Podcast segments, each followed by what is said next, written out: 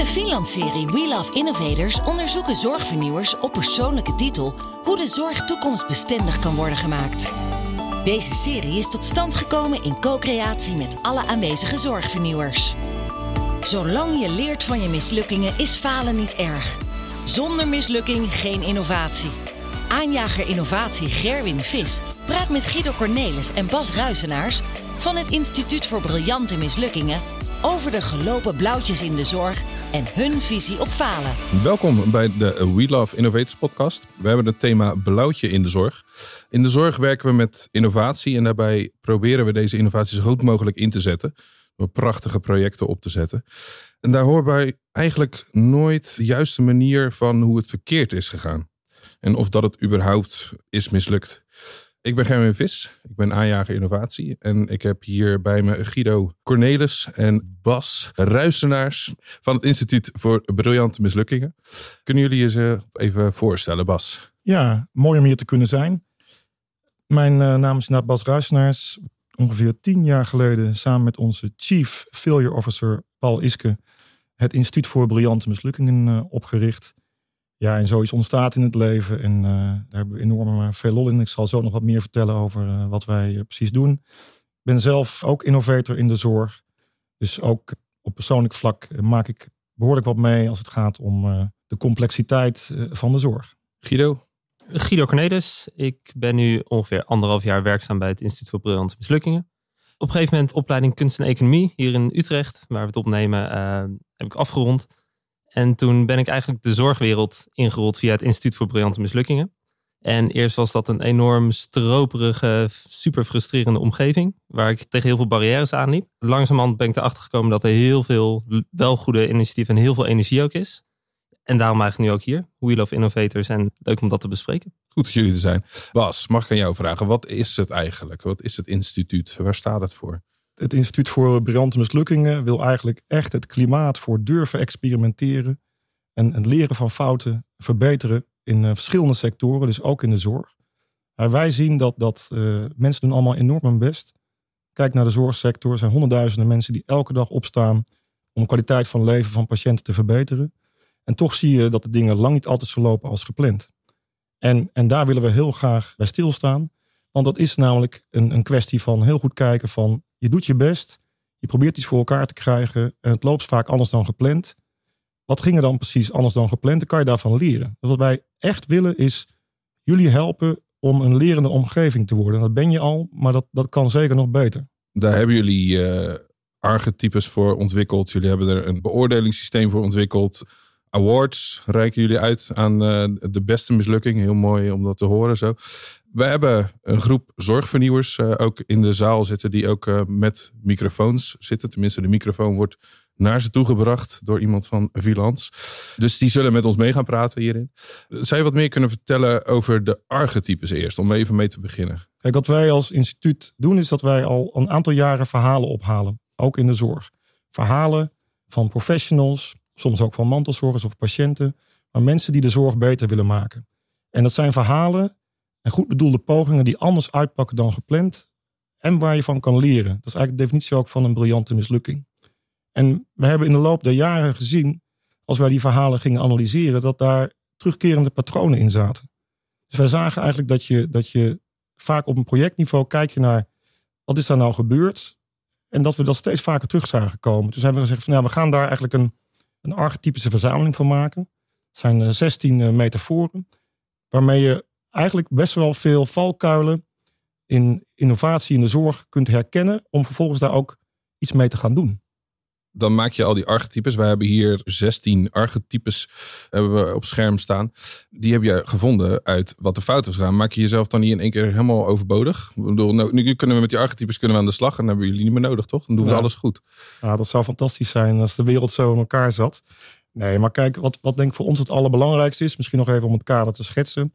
De zorg is net als heel veel andere omgevingen echt een complexe omgeving. Betekent dat je dus allerlei partijen hebben die met elkaar dat zorgsysteem tot een mooi systeem moeten maken. Maar de definitie van een, van een complex systeem is dat je aan zeg maar, de, de, de functie van de, van de onderdelen kun je nooit voorspellen hoe het geheel gaat functioneren. Dus zo'n systeem is per definitie onvoorspelbaar. En, en daarin doen we allemaal ons best. Maar je zult zien dat je dus dat je kunt alleen maar innoveren en daar verbeteringen brengen met vallen en opstaan. Dus mislukkingen zijn daar onlosmakelijk mee verbonden. Dus die zul je ook altijd blijven maken. Maar wij willen eigenlijk ervoor zorgen dat je zo goed mogelijk voorbereid aan projecten begint. Maar ook die complexiteit echt onderkent. En dat je dus die complexiteit serieus neemt. En als je dat gaat doen, dan zul je nog steeds fouten maken. Dat hoort erbij. Maar dan heb je in ieder geval zo goed mogelijk voorbereid. En je kunt met een open vizier gaan kijken naar wat er gebeurt op het moment dat het misgaat. Om daarvan te leren op niveau van individu, team, organisatie en zelfs de hele sector. Kun je voorbeelden geven? Ik, ik ga er even eentje op noemen. Ja, vind ik dan wel heel erg grappig. De boerendochter. Heel erg benieuwd wat daar, uh, wat daar uit gaat komen. Uh, wat betekent dat? Dat is een van die archetypes. Wat, wat betekent de boerendochter? Boerendochter staat eigenlijk voor, het is een uitspraak van Pek van Andel, Nederlandse wetenschapper. Die zei van ja, je bent op zoek naar de speld in de hooiberg en je vindt bij toeval de mooie dochter van de boer. En dat gaat over serendipiteit. En serendipiteit, dat betekent eigenlijk dat je bij toeval iets moois ontdekt. Om het even met een uh, voorbeeld te illustreren. Jullie kennen allemaal uh, het uh, medicijn Viagra, of misschien ook niet. Dat is ooit ontwikkeld als, als medicijn voor angina pectoris, een, een hartkwaal. Ja. Op een gegeven moment waren er clinical trials. En toen heeft een oplettende medewerker van de farmaceut in kwestie, die zag bij de ene helft van de proefpopulatie eigenlijk een bijeffect, wat door de andere helft zeer werd gewaardeerd. En uh, je moet maar zien dat er dus uh, iets is ontwikkeld voor een heel ander doeleind. Daar heeft een toevallige bijwerking uh, van in dit geval dan de erectie. En vervolgens zie je dus dat dan, dan moet je daar wel ook met open vizier naar kunnen kijken om daar dan weer een voordeel uit te gaan halen. Dus, dus dat betekent dat er bij toeval iets moois is ontdekt. Waar je dan ja, uiteindelijk ja. mee aan de slag kunt gaan. Ja, je, je zoekt naar het een en je vindt het andere. Wat eigenlijk wel mooi uitpakt. Ik denk dat daar een goed voorbeeld is bij Vilans. Wij nemen deze podcast op voor Vilans. Uh, mag ik even het woord geven aan Lian? Uh. Ja, want eigenlijk is uh, de hele reden waarom wij hier zijn ook een boerendochter. Wij zijn namelijk begin dit jaar begonnen met het uh, organiseren van een evenement waarin innovatie in de zorg centraal moest staan en waarin we op een hele andere manier ervaringen gingen delen en kennis gingen verspreiden. En nou ja, al werkende kwamen we op een festival, locatie afgehuurd in Utrecht, fantastische workshops georganiseerd, inloopsessies, uitnodigingen verstuurd. En uh, nou ja, in uh, augustus hadden we al uh, 30 aanmeldingen. Dus wij dachten, dit gaat goed, we gaan die 100 halen. En eh, het bleef bij die 30 aanmeldingen. Dus wij denken, ja, dit is toch niet gelukt. En daar waren heel veel redenen voor. Maar we dachten wel, ja, we hebben wel 30 mensen, 30 innovatoren in de zorg die echt de top van hun veld zijn. En die echt in Nederland die zorg een stukje beter maken. En we willen iets met die mensen doen. Nou was het toeval dat er uh, iemand al had aangeboden om tijdens deze dag een podcast te maken. Dus wij dachten, als we nou het hele programma omdraaien en in plaats van de workshops organiseren, de sprekers wel uitnodigen en de 30 aanmelders gewoon uitnodigen voor een leuke dag en met z'n allen een paar podcasts gaan opnemen over deze onderwerpen. Dus eigenlijk zijn wij hier dankzij een briljante mislukking en dankzij een boerendochter, wiens naam ik verder niet zal noemen, uh, zijn wij hier nu uh, podcasts aan het opnemen. Wat maakt hier het briljante in deze mislukking? Guido, kan jij daar wat in zeggen? Waarom, waarom is iets briljant en waarom is iets gewoon een mislukking? Ik denk dat je dan terug moet gaan naar die definitie die Bas net al noemde. Dat iets anders is gelopen dan gepland. en hier in ieder geval Lian met haar team heeft heel hard haar best gedaan om er een succes van te maken. Maar ja, de aantallen vielen tegen. En dat hebben ze toch om kunnen draaien. Maar in dat proces, een aantal weken geleden, moesten ze wel die schakel maken. Ze moesten wel naar degene met de zak met geld toe van... hey, dit plan was er. Dat gaat hem toch even niet worden, want we hebben die mensen niet. Daar is de mislukking. De briljantie zit erin dat ze een heel ander concept heeft neergezet... wat fantastisch werkt. Want we zitten nu hier allemaal bij elkaar. Dus al met al uh, gefeliciteerd. Ja, ja, dus we maken kans op een, uh, op een, uh, een oorkonde dat we een briljante mislukking hebben. Een award. En nog een voorbeeld. Er, er staat tussen de, de junk. Noem eens een, ja, een, kun je een voorbeeld noemen? Of wat is het eigenlijk, de junk? Ja. De junk, ik denk dat meerdere mensen dat zullen herkennen. En dan hebben we het niet over de, de privésfeer, maar wel over het werk. Er zijn altijd projecten waar je verliefd op wordt en waar je eigenlijk heel moeilijk uh, afscheid van kan nemen. Ook als er al best wel wat signalen zijn uit je omgeving dat het misschien wijs is om te stoppen. Maar het is natuurlijk ongelooflijk als je zelf zeker de ideevader of moeder bent en je bent met een team gepassioneerd bezig. Van wanneer ga je nou serieus die signalen tot je nemen en er iets mee doen? dat het misschien ook beter is om te stoppen. Dus de kunst van het stoppen is echt een hele lastige. Ik vind hem zelf ook moeilijk, hè, want je gaat van je projecten houden. Maar je ziet vaak achteraf dat mensen zeggen als iets echt mislukt is van jeetje, we hadden eigenlijk wel een half jaar of een jaar eerder kunnen stoppen. Dat had heel wat energie bespaard. Dus we hebben nog niet de oplossingen, maar we willen wel het patroon duidelijk maken van dat je soms zoveel van je project houdt en signalen uit je omgeving eigenlijk niet goed te harte neemt om op tijd te stoppen. Heb je zelf een voorbeeld hiervan buiten de zorg om? Even, even helemaal buiten het Nou, zorgkader om. Ja, goed. Ik ben ook de uitvinder van een sportspel. Dat heb ik ooit in mijn jeugd bedacht. Dat eh, is een sportspel waarbij je een aerodynamische ring met sticks overgooit. Kun je zeggen, ja, welk probleem lost dat op deze wereld op? Maar dat, dat Ja. vinden mensen leuk. Daar ben ik echt al tien jaar mee bezig. En mijn familie, maar ook andere mensen om mij heen, die kijken me dan zo meerwaardig aan van, van Bas, hoe gaat het ermee? Maar je ziet al een beetje in hun ogen dat ze denken van, ja, die jongen die is helemaal in, in de junk-modus. Het lastige is, het kan zijn dat het helemaal mislukt. En dan zullen mensen achteraf en ik zelf ook zeggen van ja, ik had eerder moeten stoppen. Maar goed, hè, als direct die weg naar succes wel komt, dan, eh, dan lach ik. Ja, dat is die als. Die als die voelen wij allemaal, denk ik, eh, als zorgvernieuwer. En dan ook nog de druk van bovenaf Ja. die je krijgt dat er wel moet slagen. En eh, hebben we voorbeelden uit de zorg? Eh, Eh, ja, Ja, ik ben Wilma? eh, Wilma van Ja? het Comfort Innovatielab. En als je het over de junk hebt, dan kan ik het hebben over onze experimenten van de Smart Glass. Wij draaien een experiment om de arts mee te laten kijken met de wondverpleegkundige. En onze wondverpleegkundige is zo een ontzettend leuke, enthousiaste dame. Dat je echt van het project en het experiment bent gaan houden. En dat je inderdaad de zij-effecten waar het niet zo goed ging, een beetje uit het zicht laat vallen. Omdat je het zo graag wilt dat het goed gaat. Wij hadden afgesproken om in juni het experiment te starten voor zes weken. En we zijn pas vorige week gestopt. Terwijl we eigenlijk al na die zes weken wisten dat het niet helemaal fantastisch ging. En dat we moesten stoppen. Maar we konden niet stoppen. We zijn toch doorgegaan. Ja, dit voorbeeld, eh, ik moet even heel eerlijk zijn, daar zit ik zelf ook in, inderdaad, vanuit mijn praktijk. Die verpleegkundige, inderdaad, dat is Journey. Die, nou, dat is de meest geweldige verpleegkundige die je, die je hebt. Dus daar wil je gewoon voor dat het lukt. Maar ja, gelukkig, inderdaad, hè, we zijn al gestopt nu. We gaan wel verder. Wat, zeg je daarvan? Eh, vind je dan dat, dat we daarmee verder moeten gaan? Dan moeten we dan zeggen van, nou ja, nu moet je eigenlijk stoppen. Want anders verval je in de archetype junk. Nou, ik denk dat het heel belangrijk is om leren en bij te sturen. Wij gaan heel erg uit van kleine feedback loops. Dus je kunt ook eh, Russische vijfjarenplannen maken. Maar je kunt ook inderdaad een experiment omarmen. Tussentijds wel kijken en ook durven bijsturen. En ook eigenlijk de mensen om je heen meenemen in waar je naartoe gaat. Dus ook leidinggevende en, en mensen die in de hiërarchie eh, staan. Daar, daar zit vaak eh, best een uitdaging.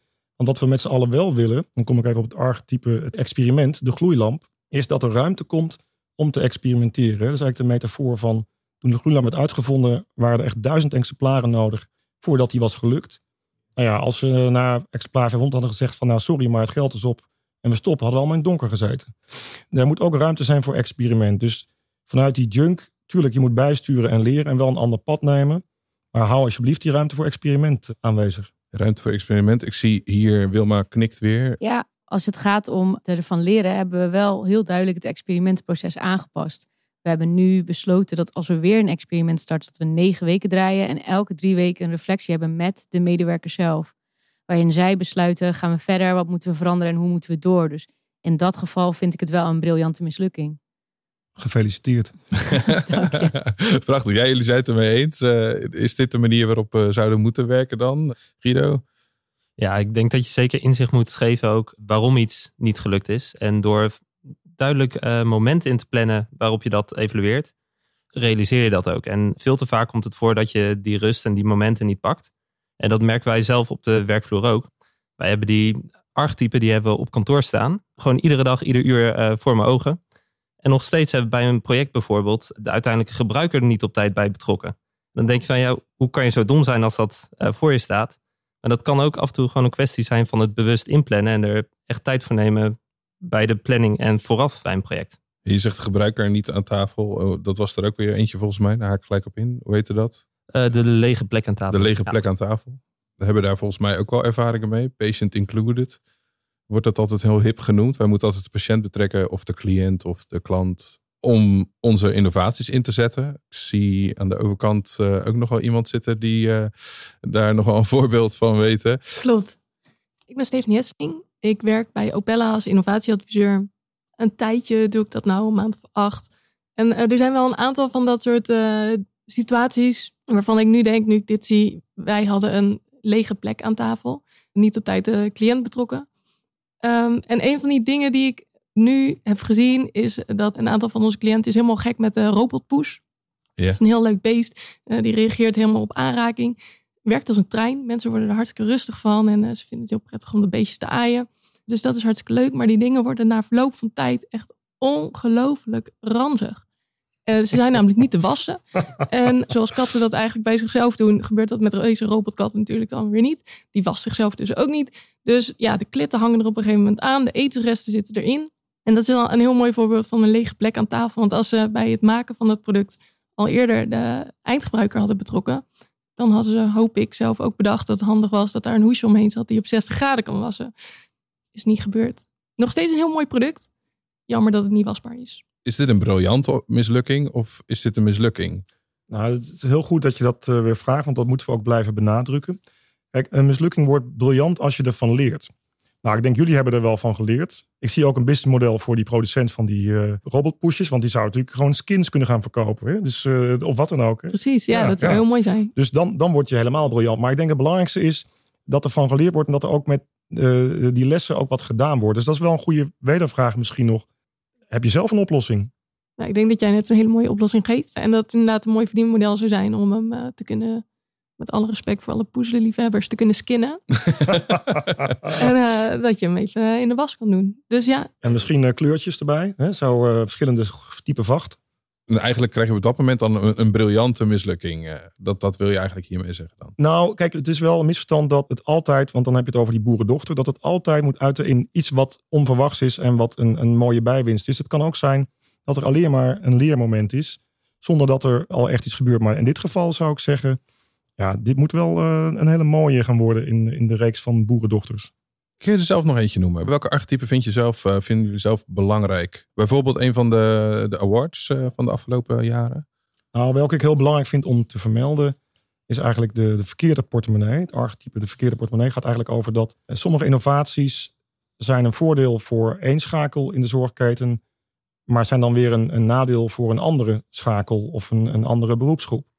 En dat kan innovaties ook behoorlijk eh, blokkeren. En een mooi voorbeeld daarvan is dat een aantal jaar geleden heeft bij ons een radioloog, uh, Jim Rekers van het AMC, heeft uh, de, de award gewonnen. En hij had een methode ontwikkeld om myomen, dat zijn vleesbomen bij baarmoeders, om die zodanig te verwijderen waarbij de baarmoeder eigenlijk behouden kan blijven. Wat natuurlijk een enorme gezondheidswinst is voor de patiënt, maar ook met een korte hersteltijd. Dus ook economisch gezien is dat allemaal veel beter. Doelmatigere zorg is zelfs zeg maar vinkjes gekregen en is tot standaard verheven. Maar tot de dag van vandaag zie je nog steeds dat dat eigenlijk veel te weinig wordt toegepast. En uh, hoe komt dat nou? Het heeft ermee te maken dat er dan een horizontale verschuiving zou moeten plaatsvinden van de gynaecoloog, die zijn of haar patiënt heeft, naar de radioloog met een andere oplossing. En dan betekent dat dus in dit geval dat een gynaecoloog een derving van, van inkomsten ziet, of het nu in een maatschap is of anderwijs, doordat die uh, patiënten zou moeten afstaan. Nou, dat is natuurlijk echt een typisch voorbeeld van een, een verkeerde portemonnee, waar er wel meer van zijn in de zorg. Ik zit ook al gelijk te denken, verkeerde portemonnee, dan richt je het nu heel erg op een project. Dat project wat die uh, meneer heeft gedaan, is door het verkeerde portemonnee nog niet goed uh, uit de was gekomen. Ik merk zelf in de zorg dat, we het ook over belangen, denk ik, dat in de belangen vaak projecten verkeerd ingezet worden of verkeerd doorgezet worden. En dan heb ik het vooral over de bovenlaag van de organisatie, de managers, de directeuren, die een andere kijk hebben op innovatie dan lager in de organisatie. Hebben jullie daarmee te maken? Gaan jullie daarmee om? Uh, met die manier van werken? Want het is best wel moeilijk om dan, ik als zorgvernieuwer in de organisatie te zeggen, nou, nou die briljante mislukkingen, die ga ik nou eens even inzetten. Ja, dan heb ik ook nog mijn manager en mijn directeur boven me, zeg maar. Ja, ik ben blij dat je het noemt. Het speelt niet alleen maar tussenschakels in de zorg. Of het gaat niet alleen maar over geldstromen, maar wat je zelf zegt, gaat ook over belangen. Gaat over nou, wat je wil. Je kan het ook macht noemen. Waarbij ook instrumenten worden ingezet of groepen niet worden gehoord. Of uh, er eigenlijk op die manier frustraties in het systeem komen. Kijk, wat wij eigenlijk het belangrijkste vinden als oplossingsrichting. Is dat iedereen meenemen in uh, zeg maar eigenlijk het gedachtegoed van je werkt in een complexe wereld, je moet het samen doen. En als daarin bestuurders en managers niet mee zouden gaan, dan heb je sowieso geen draagvlak. Dus wij werken in ieder geval altijd bottom-up en top-down. Dus wij laten altijd ook mensen op de zeepkist staan die eh, boven in de organisatie staan om een voorbeeld te geven. En als zij niet met een briljante mislukking komen met een les, dan heb je in ieder geval niet een goede voorbeeld. Dus dat is wel belangrijk. Hoe kunnen wij nou gebruik maken van jullie, uh, Guido? Wij organiseren ieder jaar weer, nu voor de zesde keer op rij, de Briljante Mislukking Award voor in de zorg. En dan roepen we zorgprofessionals op om letterlijk op de zeepkist te gaan staan. En om dan te vertellen wat er anders is gelopen dan gepland. En dan proberen we tijdens die dag een dialoog in gang te zetten tussen het publiek en de indieners van de casussen.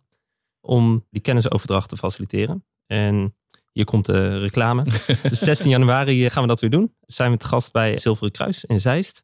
En we zijn nu een uh, longlist aan het opbouwen met allerlei uh, casuïstiek. En die worden allemaal gepresenteerd in een heel mooi tijdschrift. Het Nederlands tijdschrift voor briljante mislukkingen. En vervolgens gaan we daar een uh, award, een juryprijs en een publieksprijs gaan we uitdelen.